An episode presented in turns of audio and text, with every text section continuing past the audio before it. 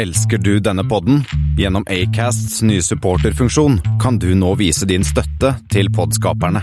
Det er helt opp til deg hvor mye du ønsker å bidra med. Klikk på lenken i podbeskrivelsen for å støtte podkasten.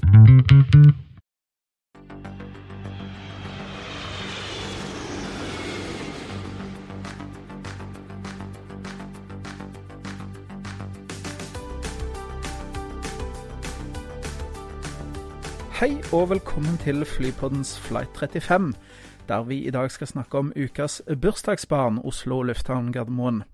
Det, det er i dag blitt 10. oktober, og vi skal utenom uh, å snakke om bursdagsbarna, så skal vi òg ta en kikk på trafikktallene for SAS og Norwegian. Det er en stund siden vi har sett på de. Vi skal gå innom uh, litt regler som FAA har innført. Vi skal snakke om Tyrkias nye presidentfly som har vært en tur i hangaren. Det blir litt om flyskatt, og det blir litt om noen eh, nye ruter. Så med oss i dag så har vi da Espen S. Og Kristian Kamau. Og undertegnede Thomas Lone. Yes, gutter, har det vært eh, Er det noe nytt å melde siden sist uke? Nei, det er eh, svært lite, og det eneste flyrelaterte jeg har opplevd, er at politiet banket på døren min og lurte på om jeg hadde sett noen drev og fløy droner eh, her om dagen. For jeg bor rett i nærheten av Kronprinsen, så det er ikke sånn kjempepopulært å fly med det der. Men eh, jeg hadde ikke lagt merke til noe som helst. Og jeg tror faktisk jeg så det nye det elektriske flyet til Avinor i dag. Som fløy en tur over Oslo havn. Og jeg har bestilt en flybillett til neste uke, så det er det meste jeg har gjort. Så det har vært en liten, eh, lite spennende flyrelatert uke for oss tre, da. Men eh, da tenker jeg at vi kan bare hoppe i det og gå til ukas eh, nyheter. Ja, først ut eh, kan vi jo begynne med Norwegian, som eh, presenterte sine passasjertall. Dette er jo veldig mye vi har sett før. Eh, de vokser jo med en sånn 9% i antall passasjerer, opp på 3,45 millioner. De har en gjennomsnittlig belegg på nesten 90% Det er litt svakt ned fra tidligere. Og som skal jeg si, vanlig så er det litt svakere yield og litt svakere inntjening. Dette er jo ting, hva skal jeg si, tendenser og tall man egentlig har sett ganske mange før, er det ikke det, Christian? Jo, det er mye av det samme, og det, hvis ikke jeg husker feil, så fikk jo aksjen litt juling denne uka her også, så shorterne var vel happy igjen, da. Eh, og, og sett en del kommentarer som, som, som, så på at uh, dette er akkurat det som IAG vil ha. Uh, de vil ha fortsatt sånn litt svake inntjeningstall. De ønsker å, å, få kursen ned hvis de skal kjøpe mer aksjer, um, og ikke minst overbevise uh, de største eierne om at de må bli med på, på salget. jeg så også et, at en del av aksjene ble det spekulert i at, at BA hadde enten, eller IAG da, hadde enten solgt eller lånt ut en del av aksjene sine eh, til shortere. For det var visstnok hadde den, den klientkontoen til disse bankene blitt redusert. Det var den som, BA, som IAG hadde. Men det kunne måtte være en del av, av spillet da, for å få aksjekursen ned. Det å, å, å leie ut eh, aksjer til shortere. Jeg vet ikke. Det har vært veldig stille, Men... vært veldig stille fra London, så jeg vet ikke hva de pønsker på. Men akkurat det med at BA låner ut aksjer til eh, shortere, er jo også litt morsomt, for det gjør jo Bjørn Kjos også. Så ja. Jeg så jo òg noe eh, det ble spekulert i dette her med at BA nå går bare egentlig, eller IAG går egentlig bare nå og venter på neste kriseemisjon, hvis vi skal kalle det det. Egenkapitalen til Norwegian er, ligger per i dag på ca. rundt 4 milliarder. Og De er avhengig av å ha ca. 1,5 milliarder eh, kroner i egenkapital, med tanke på de eh, obligasjonslånene de har. Der er holdt jeg på å si, en av de obligasjonslånsavtalene, så er det da at 1,5 millioner er på en måte den minste egenkapitalen de kan ha. og da blir det, De tenker da at med en ny kalle kriseemisjon, hvis det, begynner å spise på egenkapitalen, så går aksjekursen ytterligere ned. og da må kanskje Bjørn Kjos spise ordene sine om at eh, han syns at Norwegian er altfor billig, og vil ikke selge til 450 kroner aksjen.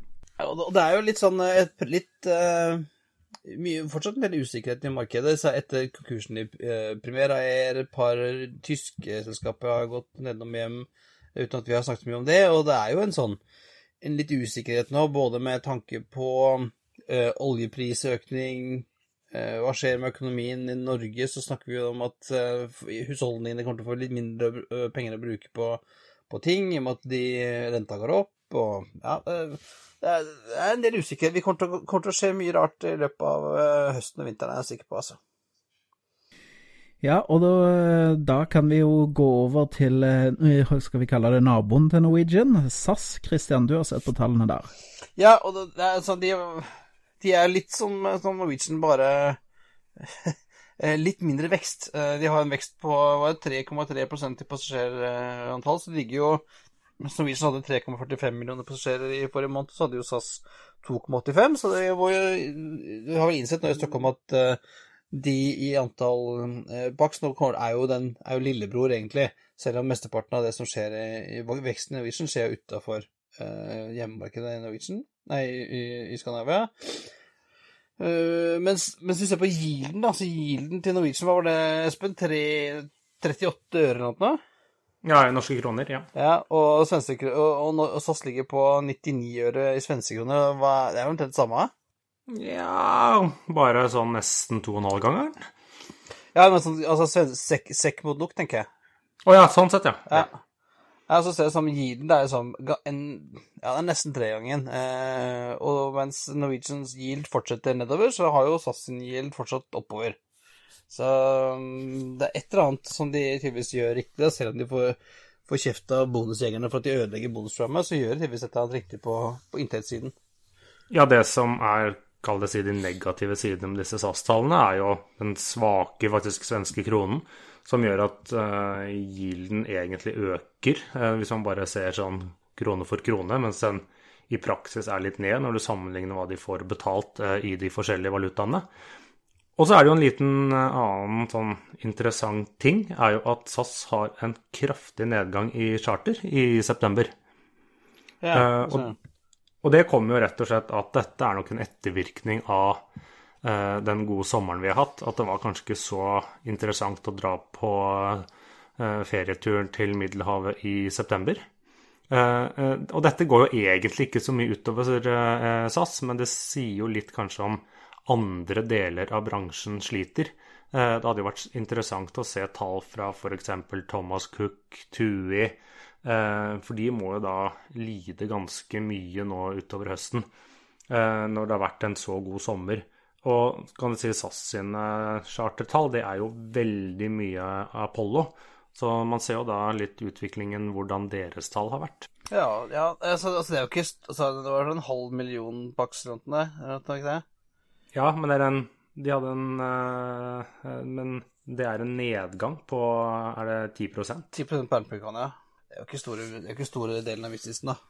Men, Nei, men, det, er, en liten del av SAS sin business, men det er mange som flyr mye charter. Og jeg tipper at det ser samme tendenstallene ser man hos de andre charterselskapene, som da faktisk for en sjelden gang driver og flyr med halvfulle fly. Ja, det, det har jo vært en sånn derre Sammenlignet med, med uh, gullalderen 80-90-tallet, hvor charterflyene var jo uh, mye større og mye fullere, så uh, har det blitt mye mindre. De har jo mistet ganske mye til rutetrafikken. Altså, jeg tror ikke du får uh, Charterfly til Spania var jo kjempepopulært på 90-tallet. Nå finnes det jo ikke et charterfly til Spania lenger.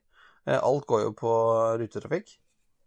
Nei, Jeg husker jo det fra starten av 90-tallet, hvor jeg fløy Stirling 727 til Alicante. Ja, nå er det jo kun, eh, kun rutefly til fastlands-Spania. Eh, stadig mer rutefly til eh, Hellas, eh, og også til Kanariene. Så det, markedet blir mindre og mindre. Men én ting er faktisk konstant, etter hva jeg husker. For da ble vi seks timer forsinket pga. streik hos franske flyveledere. Og det er 25 år siden. Men vi må videre. Eh, noe som SAS og Norwegian og andre kommer til å, å merke, det er jo forslaget til revidert eh, flyskatt. Um, tidligere så den er jo per dag på, på 83 kroner per sete som går uh, per avgang i Norge. Men nå foreslås den endret med at man ønsker å differensiere litt på avstand. Og da er det da, av alle rare ting, så går de ut ifra Oslo, og så trekker de en sirkel 2500 km, men passer rundt Oslo. Og alle hovedsteder som havner utenfor den passersirkelen, der er avgiften 200 kroner eh, per pax, eh, mens innenfor den sirkelen så er avgiften nå satt ned til 75 kroner per pax. Eh, det er jo en pussig måte å gjøre det på, da. Altså, det er ikke snakk om en del skatter er differensiert på flyets max takeoff-vekt. Eh, noen har på distanse, eh, altså selve flyvningens distanse. Men her tar man utgangspunktet mellom hovedsteder. Og, så, så, det har jo et veldig uheldig utslag for f.eks. sånn som Spa, eh, Kanariøyene får da lav eh, sats på 75 kroner. Mens det å fly til Istanbul, eller å fly til Alanya eller andre steder i Tyrkia, eh, da får man en sats på 200 kroner, siden det er da avstanden mellom Oslo og Ankara over 2500 km i timen. Virker dette litt uh, pussig, gutter? Ja, det er både og. Det er jo en rar måte å kanskje sette det på, men i praksis så betyr det jo at EU og Europa Eh, er eh, innenfor. Uh, mens mesteparten utenfor må da betale den høye skatten. Sånn at i praksis så er det jo ikke så veldig Det blir ikke så veldig rart utslag. Og det er jo også én ting man skal huske på. Det er jo nesten ingen endring. Så hvis avgiften var ment å få folk til å ikke reise med fly, ikke reise på ferie med fly, og ta tog til Spania istedenfor, så, så funker jo ikke det. Det er jo en ren fiskalskatt, så det er jo bare en, en inntekt til staten. Ja, og det er jo Jeg vil si at denne endringen som gjøres, er jo knapt nok merkbart. Og jeg ser jo Widerøe har jo nå truet med å lukke ruter på Vestlandet og i Nord-Norge. Men det er en ting jeg ikke skjønner, eller eh, som jeg har prøvd å grave litt i, men ikke har funnet ut. det er Hvis man da bestiller en rundtur med British Airways fra Oslo til New York med BA da, via London, er det da eh, 200 kroner som er skatten som skal betales, eller er det da 75 for avgangen mellom Oslo og London? Som jeg har skjønt det, så er det sluttdestinasjonen som gjelder. Eh, så hvis du da kjøper en gjennomgående billett, Oslo-London eh, LA f.eks., så er det 200 kroner. Kjøper du to billetter, én Oslo-London og én London-LA, eh, så betaler du 75 kroner pluss veldig mange hundre kroner eller titalls pund i den britiske avgiften som man da slipper hvis man flyr, begynner i Norge. Ja, for det er jo sant, britene har jo hatt en sånn en skatt lenge. Og den er jo ekstremt høy hvis man flyr f.eks. business eller first class ut fra London. Altså f.eks. ikke har en gjennomgående billett fra Norge Eh, den er vel på en eh, er det 1500-1600 norske kroner, eh, flysettavgiften på et businessklassesett fra f.eks. London til, til, New York. Ja, og den svenske skatten er vel på longhold ca. den dobbelte av det som nå er foreslått her i Norge. Så det vi kan konkludere med, da, det er at det er nok ikke konkurransevridende, siden det er sluttdestinasjonen som gjelder. Det er ikke sånn at British, British Airways eh, kommer da ca. 120 kroner billigere unna, eh, fordi at de, de må, da må bare betale til London, men eh, da skal det skattlegges helt til New York. og Da, da tenker jeg at det gir en viss fornuft i dette her. Så, så, får vi se da hvilke um, konsekvenser dette gir, f.eks. med SAS sitt partnerskap med Avinor. De lovte jo masse langruter innen fem år fra OSL. Kanskje det har en eh, innvirkning på dette, men det er jo sånne ting som vi, vi får se. Og Grunnen til at vi får de her, den britiske skatten og den norske skatten og den svenske skatten, er jo fordi at vi ikke ikke EU klarte å få på plass det der emission trading eh, system som de hadde, hadde planlagt, som, som ville gi mer like avgifter i alle landene som altså flyving ut ut av EU, men som både amerikanerne og kineserne satte seg på bakbeina og ikke ville være med på. Så, da, jeg, jeg, så det, blir, det, blir, så Det blir så Du bare klarer ikke å få Inntil man får en sånn globalt felles avtale for uh, skattlegging, miljøskattlegging av flyreiser, så får du sånne klattegreier som, som, som bare er fiskalavgifter, som, og som gjelder ja, Som får rare utslag, da. Men da får vi la det bli siste ord om eh, flyskatt, og så får vi heller For denne gang. eh, For denne gang, ja. Og så får vi heller ta oss en tur til Albania. Vi snakket jo litt om Albania her for noen eh, episoder siden, og nå eh, fikk eh, vel eh, Var det du, Espen, som er en trofast Ving-kunde? Du fikk tilbud om å reise faktisk til Albania nå til, til sommeren. Men du, du flyr vel ikke til Albania? Nei, så det sier jo kanskje litt om albansk luftfart når man flyr til nabolandet og så tar faktisk båt. Så Hvor var det man fløy til? jeg tror det var Korfu. Jeg er ikke helt sikker. En eller annen sånn øy. Ja, du, du, Man flyr til en gresk øy, og så tar man båt til Albania. Det er, det er charterferie til Albania. Kanskje det får bli noe til, eh, til eh, neste år. Er Når du får, når de får den nye flyplassen på plass, Espen, så blir det Albania-tur. Ja, da får vi prøve det. Men når man snakker om uh, nye ruter, og når man snakker om sommerdestinasjoner, så lanserte jo SAS sine nye, hva skal jeg si, ruter nå nylig. Ja, eh, vi var, egentlig invitert på mandag, men eh, noen av oss måtte jo jobbe, begynne å jobbe igjen, så da mm, fikk vi ikke vært med på, det, på denne presentasjonen. Men det var altså en hel haug med eh, i, i, i, anførselstegn nye ruter. En masse, ny, masse sommerruter.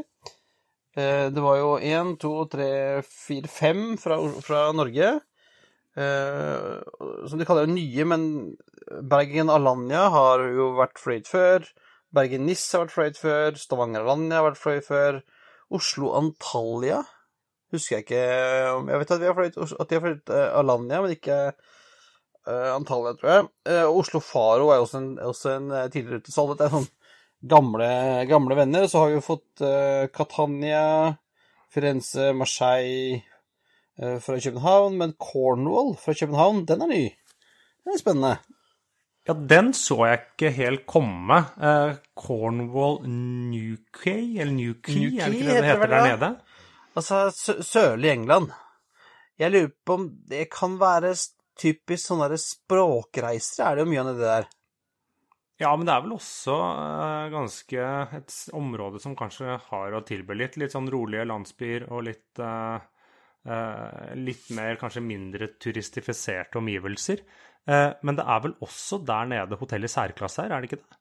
Det var jo en veldig gammel referanse, Espen, for en sånn mann som deg, men eh, ja, jeg tror du var inne på det nedi der. Så det er altså også er det en del sånne uh, typiske feriedestinasjoner. Uh, Marseille, Napoli, Faro, uh, Århus, Roma, København, Firenze og, og Catania, som er sånne Altså, det er jeg tror på, på sommeren, eh, kanskje ikke i, denne sommeren, men vanlig sommer, eh, kan du fly omtrent til hvor som helst i Middelhavet, hvor det er eh, billig øl og pasta, og du kan fylle flyet, altså. Jeg tror det her kommer å Jeg, jeg tror det her blir fulle. Det er jo sånne én, to, tre ukentlige avganger midt på sommeren. Det kommer til å gå, bli gull, altså. Det er jeg sikker på. Men så vet man jo aldri hva dette har gått på bekostning på, for de har jo en tendens til å kutte et par sånne lignende ruter. Eh, Og det nevner man jo selvfølgelig ikke så veldig høyt i slike pressemeldinger. Og så starter man noen eh, nye som man har brask og bram rundt. Det som vel er borte, er vel sånn uh, Skopje, tror jeg.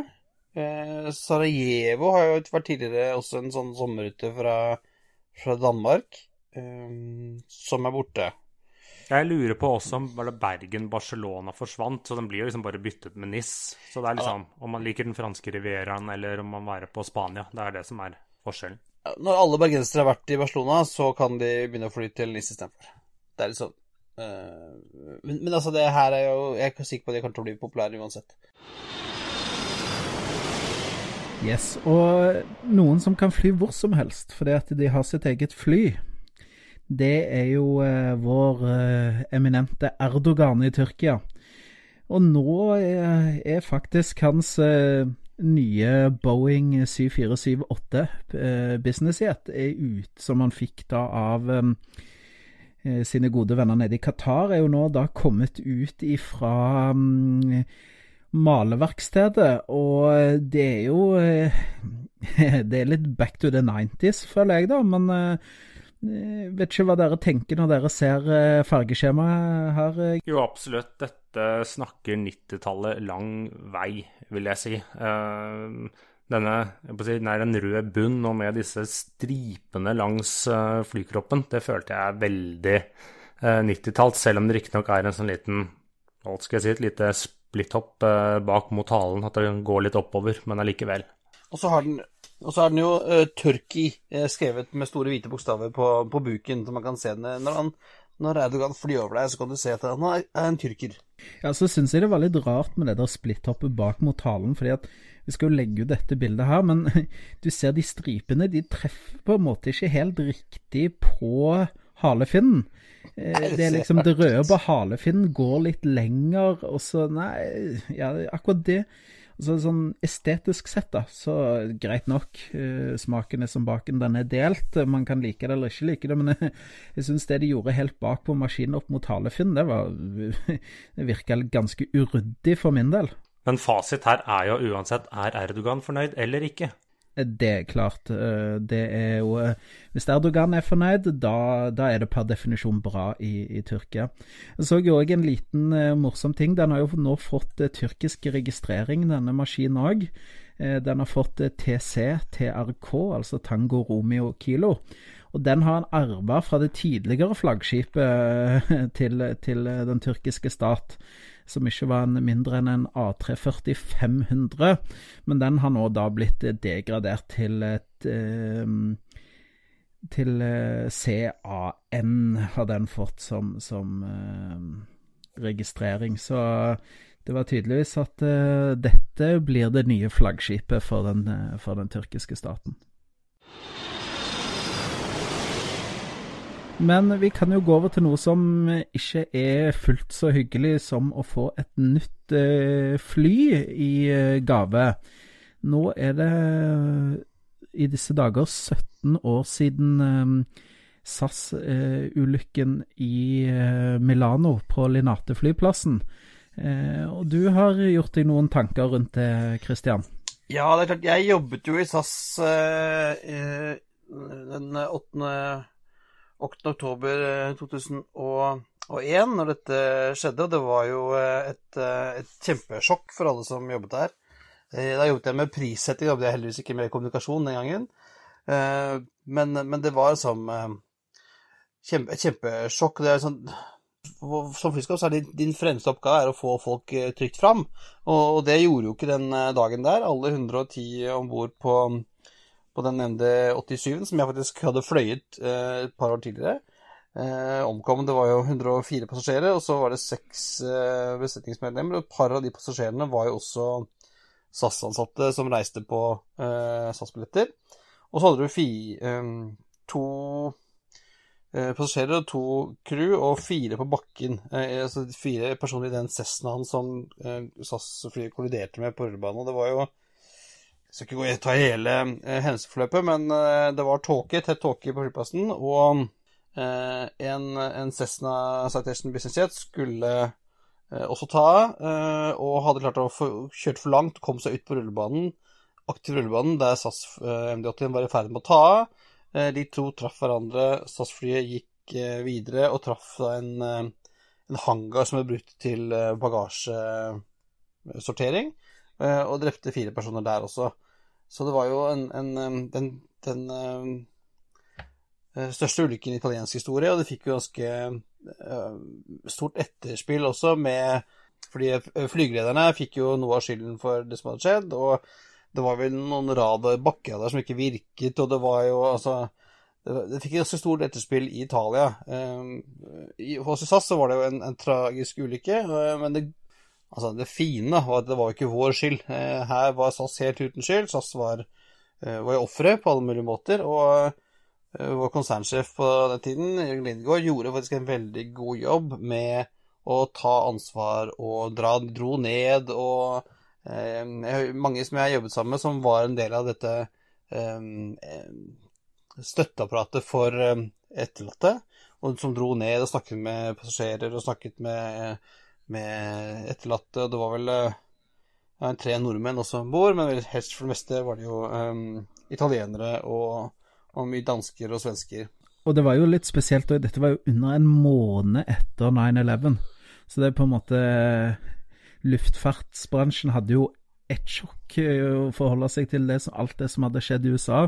Og nå, om det ikke var Det var jo ikke terror, men nå ble på en måte litt luftfartsbransjen i, i Skandinavia også ramma den bare en måned etterpå. Så det var jo Det, det må ha vært tunge dager for SAS som selskap, tenker jeg, selv om de var uten skyld. og det var på en måte ingenting som kunne klandre SAS for det, for det som hadde skjedd. Og alt som skjedde etterpå, var jo på en måte etter boken med hvordan eh, Adam Deer håndterte ting og alt sånn. Men det må ha vært spesielle og tunge dager, tenker jeg, for, for SAS som ja. selskap også, Christian. Det, det, det, var jo det var en spesiell eh, eh stemning i selskapet på den tiden der. For vi hadde, vi hadde sånn, først fått enersjokket, og så kom det andre, sjok, andre sjokket, og så etter, og, og så etter hvert så Uh, kom jo det økonomiske sjokket også, når, når vi så at uh, passasjerene begynte å forsvinne som de gjorde uh, den tiden der. Og det var jo en veldig, en veldig sånn spesiell tid. jeg hadde jo fått fast jobb i selskapet uka før 9-11.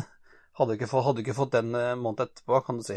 Ja, på en sånn dag så får våre tanker gå til de 118 som døde. og Forhåpentligvis så, så, har det blitt, eh, og det vet vi jo, det har blitt tatt en del lærdom av denne ulykken her. Eh, Bl.a. med, med bakkeradarsystemer, med markeringer på takseveier. Altså det, det, skal aldri være, Uansett hvor tykk tåken er, så skal det aldri være noe tvil nå på, på, på, på større lufthavner at du faktisk beveger deg inn mot rullebanen. Det kan jo alle som Hvis man har sittet i cockpit eller sett filmer fra cockpit eller noe sånt, så er det jo på alle sånne påkjørsler til rullebane, så er det jo markert med stor eh, rød maling i bakken 'runway ahead'. Så, så, det, så det, er Det er jo det, det, er litt som vi har snakket om før da, når det gjelder ulykker, at uh, de som på en tragisk måte gikk bort her, da, de har jo en liten mager trøst, er i hvert fall at uh, de har sånn sett ikke dødd forgjeves, fordi at det har blitt ganske mm, mye rutiner og ting som har blitt endra etter den ulykken. Da, og Der er jo kanskje luftfartsbransjen i en særstilling i, i verden av, av, å ta lærdom etter sånne noen tragiske hendelser. Og, og, så kommer det jo da ofte nye reguleringer og nye lover som er basert på på det for å unngå denne typen ting. Og nå har det kommet noen nye, nye lover i USA, Espen, som du har kikka på. Ja, det stemmer. Eh, disse hva skal jeg si, lovene vel, gikk vel gjennom Kongressen og Senatet for eh, en liten stund siden, men ble nå signert av Donald selv.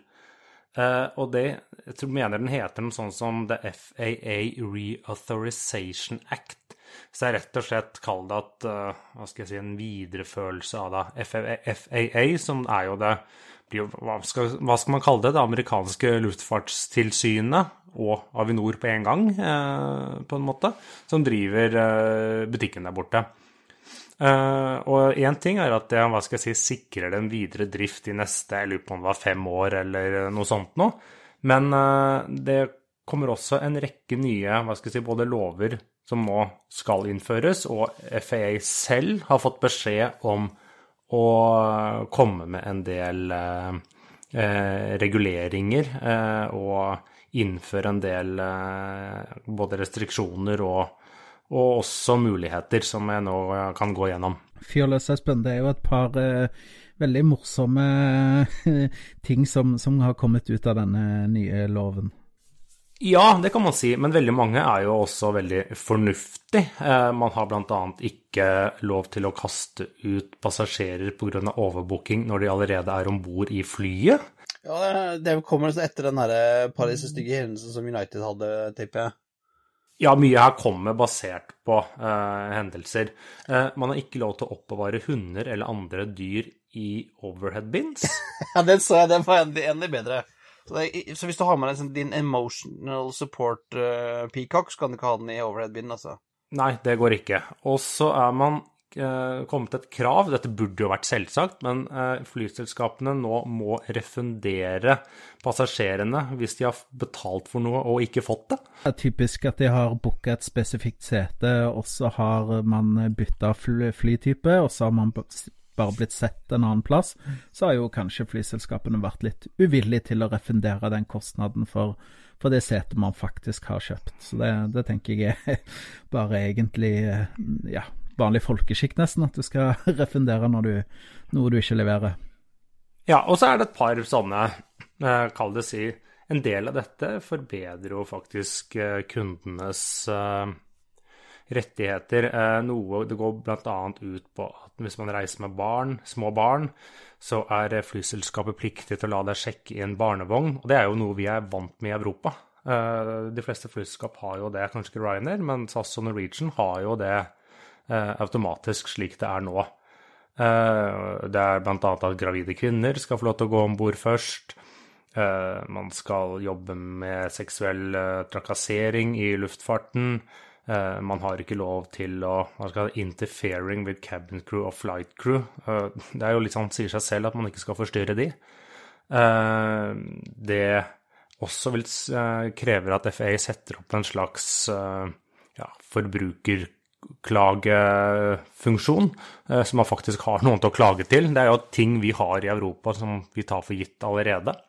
Og så, ikke minst, det sier jo ikke noe hva det kommer til å ende med, men eh, en del av denne mm, nye loven krever at da FAA de skal sette minimumsstandarder til setebredde og setepitch.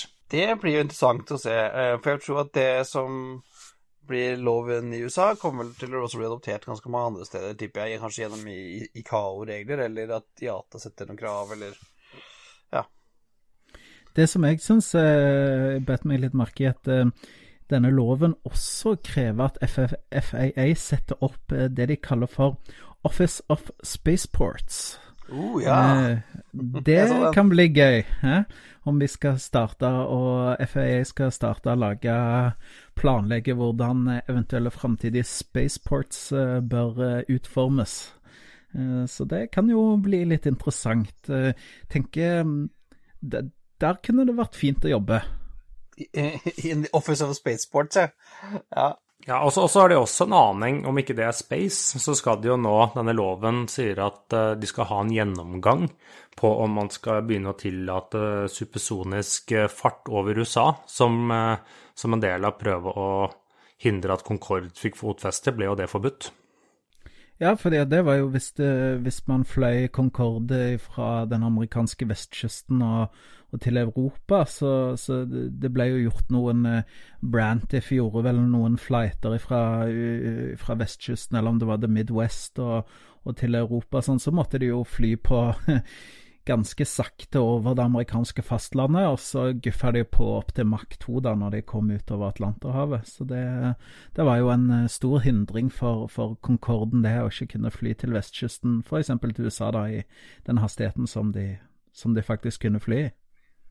Ja, og så ser de også kanskje litt framover. Én ting er at de nå eh, lar Kall det både eh, lokale myndigheter eller Homeland Security og Justisdepartementet og annen det som heter Federal Law Enforcement Agency, at de nå skal få lov til å enten hacke eller skyte ned eh, private droner eh, hvis de ses på som en trussel. Eh, så det hadde jo vært litt eh, greit neste gang en eller annen gjøk oppå Jessheim sender opp sin drone og over Gardermoen og hindrer trafikken, og bare skyter den ned. Det, det er jeg for. Ja, ja til eh, nedskyting av droner, Espen. Du, har, du, ja, du hadde jo dronebesøk oppe hos deg forrige dager. Ja, jeg så den ikke i det hele tatt, jeg. Ja. Men uh, også det når de kommer inn i droner, er at de også har uh, blitt bedt om å lage forslag til reguleringer for det som heter regulære eh, flyvninger med pakkeleveringsdroner. Så her ser de jo de kommer. De har kanskje skult litt bort på hva disse Amazon eh, eh, har som planer, og hva de tenker rundt det. Så de kanskje prøver å være litt proaktive. Og det skal jo sies at uh, vår gode jeg skal ikke si venn, men vår gode mann Donald borti Det hvite hus uh, av alle ting han har signert, så er jo dette noe av det mer fornuftige. Absolutt. For meg så, så virker det som en blanding av eh, på en måte å se litt framover, både med spaceports og supersonic og, og droner, og regulere disse tingene her. Samtidig som eh, man eh, tar litt forbrukeren under vingene sine og stiller en del krav til flyselskapene, da, som, som gjerne har gitt litt beng i passasjerene. Eh, som vi har sett videoer og sånn om, men, men, her er det jo egentlig ganske man, mange punkter da, som er med på å øke passasjerenes rettigheter. Så det um, tenker jeg jo uh, er veldig fornuftig, egentlig. Tommel opp.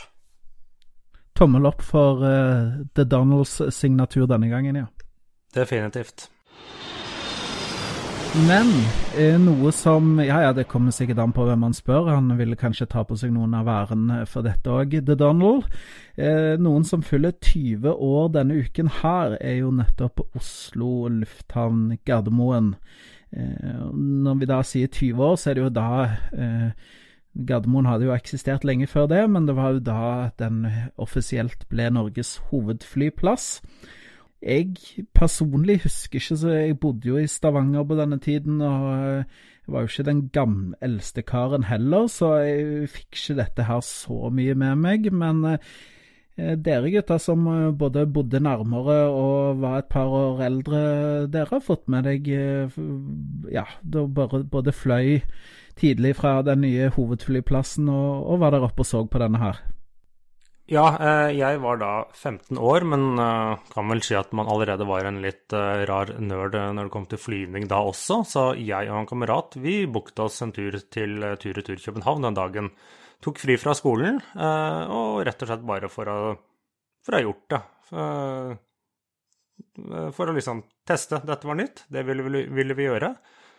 Og det gikk jo ikke sånn kjempebra, eller for all del, kom jo fram og sånt men det var jo enorme kaos, og det var jo ganske mye som ikke fungerte helt perfekt fra dag én.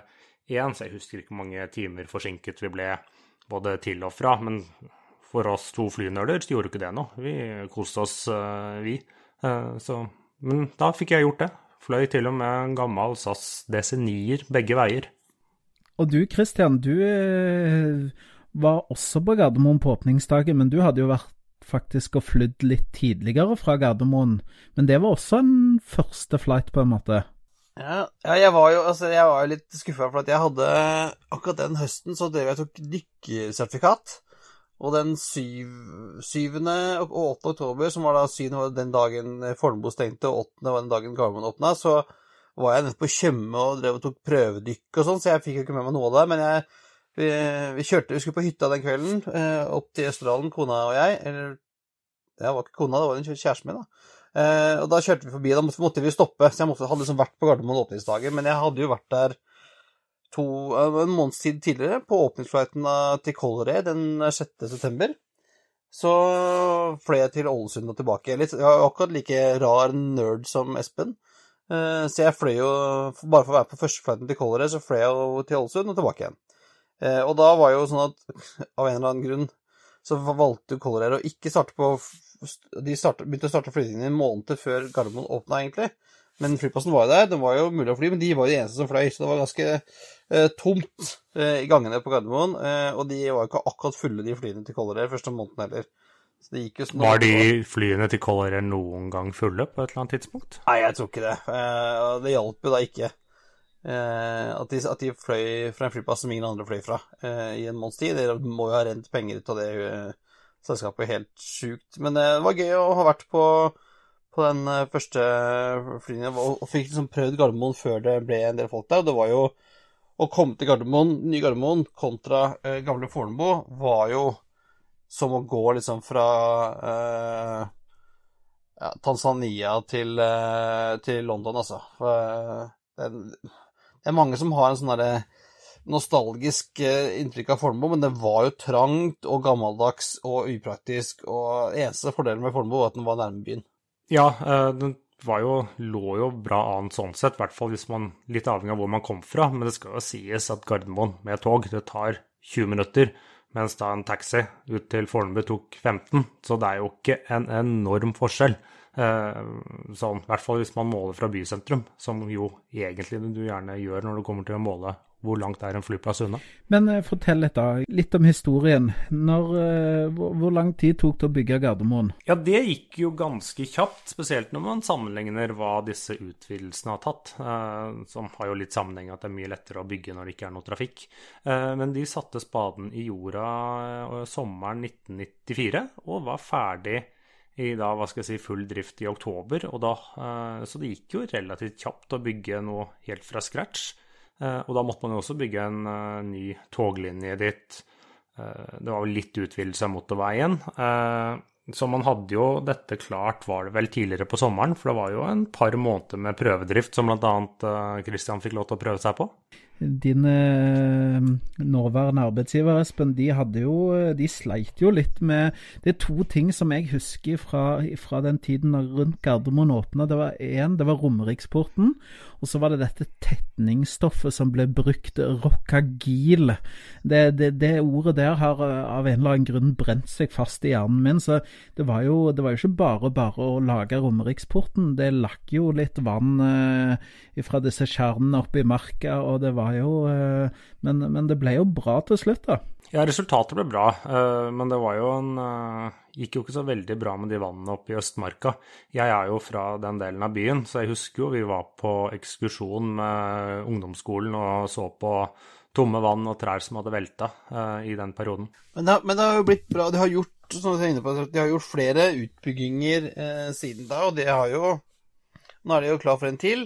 Eh, vi trodde jo da når den ble bygd, den, for det var jo stort og det var jo god plass, så man trodde liksom at ja, men nå har vi fått en flyplass som eh, er stor nok for en god, for en god stund framover. Men det gikk jo ganske tok ikke lang tid uh, før uh, man begynte å, å, å, flikke på den.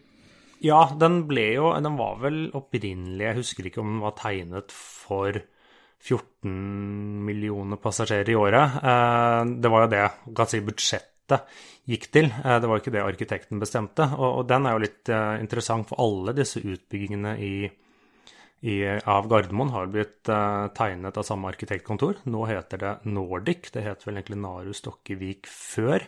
Uh, og det er jo veldig interessant selskap som jeg tror vi bør komme tilbake til i en uh, senere sending. For de har jo ikke bare tegnet Gardermoen, de er jo ganske store på å tegne flyplasser, rett og slett. men tilbake til da Gardermoen. Så en annen ting var jo den hvor lang tid de brukte på å plassere flyplassen. Var det 30 eller 40 år de trengte for å bli enige? Jeg tror de holdt på, de holdt på i 40 år eh, på, å, enige, på å, finne ut hvor den nye flyplassen for Oslo skulle ligge. Eh, og jeg hadde jo akkurat var en av, en av tankene var jo eh, Hurum, eh, rett borti veien for deg og meg, Thomas. Det hadde jo vært supert å ha flyplassen her. Eh, men der var det visstnok tåke, eller var det det, eller var det ikke tåke? Altså, det var jo det var jo ikke politikk i det. Eh, og det var vel en del eh, politiske hestehandler som eh, gjorde at flyplassen havna der den, der den havna. Det var jo flere andre Hobøl og det var flere, flere alternativer til Gardermoen. Den ligger jo langt ute i Gokk, det gjør den jo, men det som sier Thomas, som sa at det, med toget tar det ikke lang tid, og i forhold til en del andre flyplasser som man reiser til, så er det jo det er ganske fort å komme seg til byen.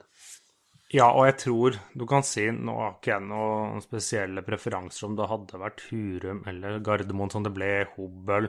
Det hadde Alle delene ligger jo relativt langt uh, unna Oslo. Uh, sånn i tidsmessig. Det er litt forskjell, men ikke veldig.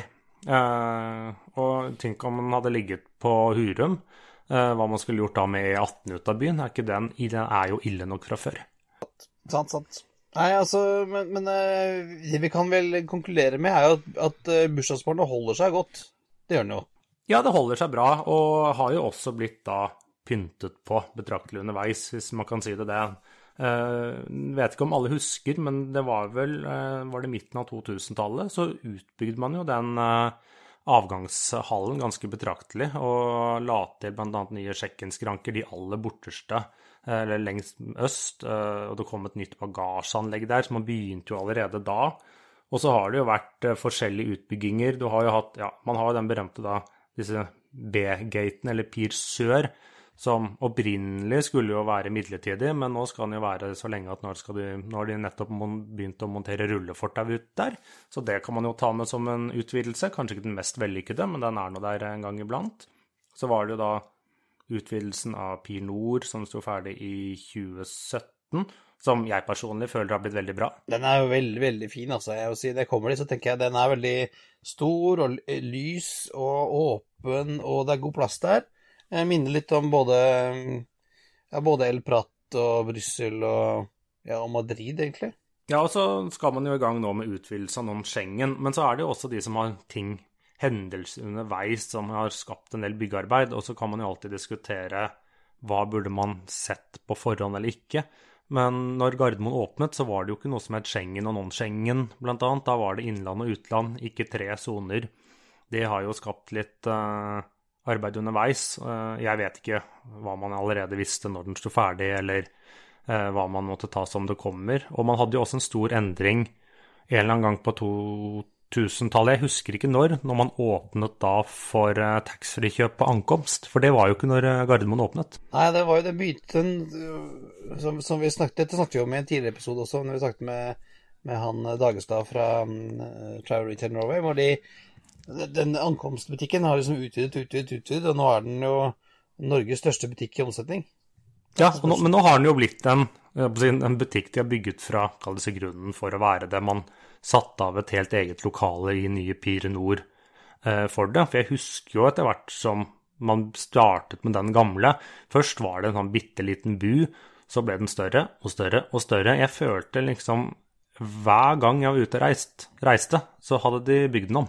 Ja, jeg tror det. Og det, var det, var det Håkon sa at den første taxfree-butikken på ankomst eh, er mindre enn tobakksavdelingen i dag. Ja, det stemmer. Det var vel det han sa. Så det, det setter jo ting litt i perspektiv, for å si det sånn. Men alt, altså, Jeg har jo sett folk som driver og klager på Gardermoen er så fæl, men hvis du har reist en del, og hvis du har reist en del ute, så, så er det jo ingen flyplass, kanskje med unntak av London City, eh, der ute som er like effektiv å komme seg gjennom som Gardermoen. Altså. Du har jo sendt et par meldinger, Thomas, hvor du har sånn brukt ja, under ti minutter liksom fra toget til gate, eh, og det Nei, det, og det er sant. Og, og Gardermoen skal jo ha litt skryt her. Det var jo Gardermoen som i februar i år egentlig var grunnlaget for denne podkasten, Christian? Ja, når vi i stedet snakket om bakketilbudet, ja, det stemmer det. Så vi har jo, vi har jo et, et, en softspot for Gardermoen. Ja, og det, og det var jo Du kan jo si da at denne podkasten her eh, starta med en snap da, fra meg til deg, der jeg skrev eh, fra, fra tog til eh, flydør eller noe sånt på syv minutter. Eh, can't beat that. Eh, et eller annet sånn. Elsker Gardermoen. For jeg hadde gate A2 og med fast track og toget rett inn og opp. Så, så, gikk det syv minutter fra jeg gikk ut av toget til jeg sto ved gaten eller flydøra. Så, så ja. Vi, Gardermoen er i våre hjerter, og vi, vi følger med på utviklingen der oppe. Og, og det skal jo bli uh, utrolig spennende på den nye non-Schengen-delen. Uh, den skal jo ha et litt arkitektonisk annet uttrykk enn det som resten av flyplassen har, men uh, i hvert fall sånn eksteriørt så får vi se hvordan han blir seende ut inni det. Det syns jeg er veldig spennende. Og uansett hva de bygger ut, så går det bedre enn hva de klarer i Berlin. ja, nemlig. Vi skal videre i sendingen, eh, Thomas. Det skal vi, og denne gangen tenkte jeg at jeg skulle anbefale noe eh, som er Folk må gjerne ta det med en klype salt, eh, og det er relatert til Gardermoen. Eh, det er litt spekulativt, men det er litt spennende likevel. Og så får det være opp til våre lyttere som, som eh, enten har lest eller kommer til å lese denne boka som jeg snakker om nå, og, og gjøre seg opp sin mening om det. Men eh, det er altså en bok som heter da hvem drepte Jan Wiborg? Og så kan man spørre seg hva har dette med flyplass å gjøre, og Gardermoen spesielt. Så var det slik at eh, det var for en 20 mm, Altså det var en god del år før Gardermoen da ble bygd, før midt i denne oppheta lokaliseringsdebatten, så um, trua Hanna Wiborg da, med å fortelle hvem som hadde ført politikerne bak lyset. Eh, for Stortinget omgjorde jo beslutningen eh, av å legge hovedflyplassen til Hurum. den var jo egentlig bestemt at den skulle ligge der, og de vedtok istedenfor at den skulle ligge til Gardermoen. og Dette var pga. værrapporter og den type ting. da. Eh, så når han gikk ut og sa at nå dette skal offentliggjøres, hvem er det som har ført hvem bak lyset, og hvem er det som har skjulte agendaer her, så, så eh, sier forfatteren her, da, Knut Lind, eller uh, legger opp til det, da, at han Wiborg ble lokka til København. Der han da tilsynelatende tar sitt eget liv, hopper ut av et hotellvindu og Dansk politi konkluderer med at dette var selvmord. De etterforsker ikke dødsfallet. Men det er såpass mye um, ting man kan stille spørsmål rundt dette dødsfallet. Eh, både i forhold til hvordan hotellet var seende ut, hvordan eh, det var visstnok at vinduet var åpnet og knust på en eller annen måte. Det var, det var, mange ting man kan stille spørsmål om. Om kanskje han ikke hoppet ut, men kanskje noen kasta han ut. Så det er en av de tingene som man legger opp til, da. Men, men eh, Stortinget, eh, etter Gardermoen ble bygd, så, så, disse ryktene hadde jo fått såpass mye vann på mølla, og det var så mye bitter strid rundt dette med Gardermoen at den ble lagt Eh, på Gardermoen istedenfor Hurum, og at Stortinget nedsatte en kommisjon da, for å granske dette dødsfallet til han Wiborg. De konkluderte med at han Wiborg var paranoid, suicidal, og de mente da at han reiste til København for å ta sitt eget liv. Så da har han forfatteren Knut Lind da gått i Wiborg sine fotspor, intervjua aktører, foretatt en eh, gjennomgang av eh, denne kommisjonens rapport og underlagsmateriale, og som for øvrig har vært hem eh, og kanskje er fortsatt hemmeligstempla, eh, men han trekker en helt annen eh, konklusjon enn det som denne stortingsoppnevnte kommisjonen gjorde. Så det var mm, det er en, jeg vil si, litt en sånn spenningsthriller med store innslag fra virkeligheten. Eh, men ja, eh, hvis noen sier at boka er litt søkt, så skal ikke jeg eh, gå imot det. Men det er i hvert fall god underholdning så jeg, og spennende underholdning, så jeg anbefaler absolutt boka 'Hvem drepte Jan Wiborg'. Og en annen ting som vi også vil anbefale, Thomas, det er jo å komme og høre på oss mandag om halvannen uke.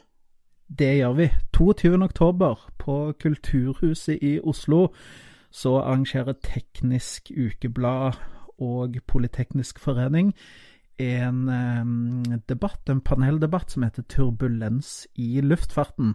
Der skal vi to være konferansierer og innledere, Christian. Det blir eh, utrolig moro og spennende. Det blir gøy, og det er jo litt av en uh, lineup i tillegg til oss, selvfølgelig. Så er det jo flere interessante menn Det er jo bare menn å høre på. Ja, det, det, er litt av en, skal vi si, tung forsamling. om ikke i, kilo, som i hvert fall i, i kompetanse som kommer. Det er jo forskningsleder Harald Tune Larsen fra Transportøkonomisk institutt. Det er Hans Jørgen Alnes, som vi har snakka med tidligere i podden, eh, i Vinner, som er analytiker, eh, flyanalytiker. Administrerende direktør i Avinor, Dag Falk Pettersen, kommer. Også eh, en annen som meldte meldt seg på, er Torbjørn Lote i NHO Luftfart, administrerende direktør der. Og så kommer også Stein Nilsen, som er konsernsjef i Widerøe. Så eh, vi kan vel si, Kristian, at eh, kanskje vi er de største trekkplastrene, men de er ikke dårlige, de som eh, står nedover på plakaten heller.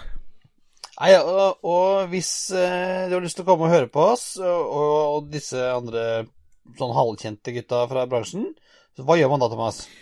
Da eh, må man eh, Da har man to valg. Enten så kan man gå inn på den lenka som vi har lagt ut, og der, eh, der, får man to valg. Enten så kan man melde seg inn i Politeknisk forening, um, og det, det, koster 500 kroner, og da får man alle disse debattene gratis i et år. Eller så kan man betale en engangssum på 200 kroner, som dette koster, og fylle ut det påmeldingsskjemaet som ligger der.